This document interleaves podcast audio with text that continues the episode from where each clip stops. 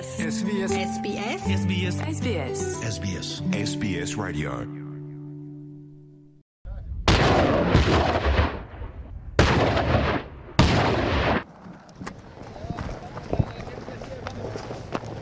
Подемот на екстремистичката група Исламска држава во Сирија и Ирак го зголеми ризикот од тероризам во Австралија.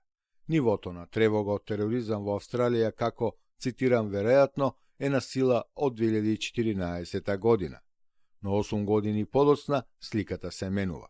Генералниот директор на Австралиската безбедносна и разузнавачка организација АСИО, Майк Бърджес, објави дека предупредувањето ќе биде намалено на можно но тој предупредува дека сепак може да има напад на домашно тло во наредните 12 месеци, додавајќи дека Австралија останува потенцијална терористичка цел, иако има помалку екстремисти со намера да извршат напад на копно, отколку што имаше кога беше подигнато нивото на закана во 2014 година. Ова не значи дека заканата е изгасната, далеко од тоа, вели Борджес. While Australia remains a potential terrorist target, there are fewer extremists with the intention to conduct an attack on shore than there were when we raised the threat level in 2014. This does not mean the threat was, is extinguished. Far from it. Possible does not mean negligible. Но господин Брджес повторува дека во никој случај нема да дојде до слабење на безбедноста, велејќи дека АСИО се уште ги истражува и следи австралијците кои прифаќаат насилни екстремистички верувања. Поединци се уште фантазираат за убивање други австралици, се уште ги изговараат своите идеологии од омраза во виртуелните простори за разговор, се уште ги усовршуваат своите способности со истражување на изработка на бомби и обука со оружје, вели Бърджес. ASIO is still investigating and tracking Australians who embrace violent extremist beliefs. Individuals are still fantasizing about killing other Australians still spouting their hateful ideologies in chat rooms, still honing their capabilities by researching bomb making and training with weapons. Critically, though, there are fewer of these people than there were previously, and few of them are likely to conduct an actual attack in Australia. Според Министерката за внатрешни работи, Клер Онил, вниманието сега е префрлено на осамените актери со помалку софистициран пристап. Господја Онил вели дека Дел од трендот овде е промената кон пониски технолошки типови на напади.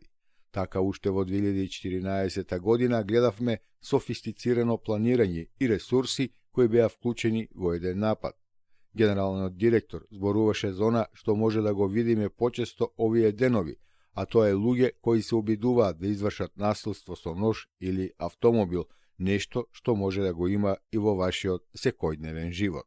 Part of the trend here is a shift to lower technology types of attacks. So back in 2014, we were seeing, you know, sophisticated planning and resourcing that went into one attack. Um, the Director General has talked about what we might see more commonly these days, which is people trying to exert violence with a knife or a, a car, something that you might have around you in your everyday life. Разузнавачите исто така следат националистички и расистички насилен екстремизам.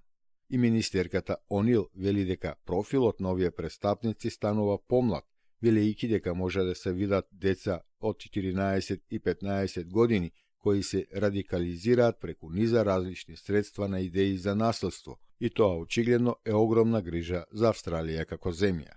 We are seeing children 15, 14 years old who are radicalizing um, through a range of different means and at least indicating um, ideas about violence obviously of huge concern to us as a country.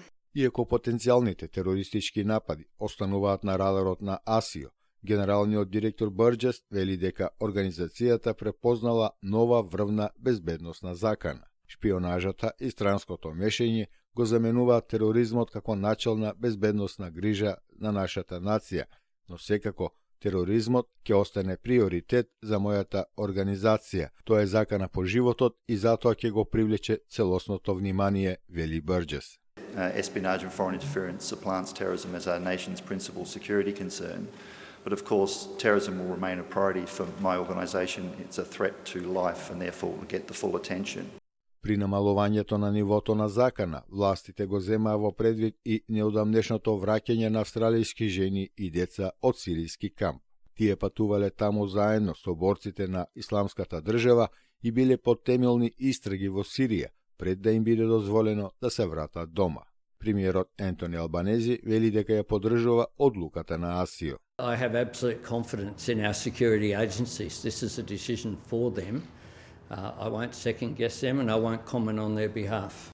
Откако го подигна нивото на закана на веројатно во 2014 година, АСИО вели дека имало 11 терористички напади во Австралија, а 21 заговор биле спречени од властите.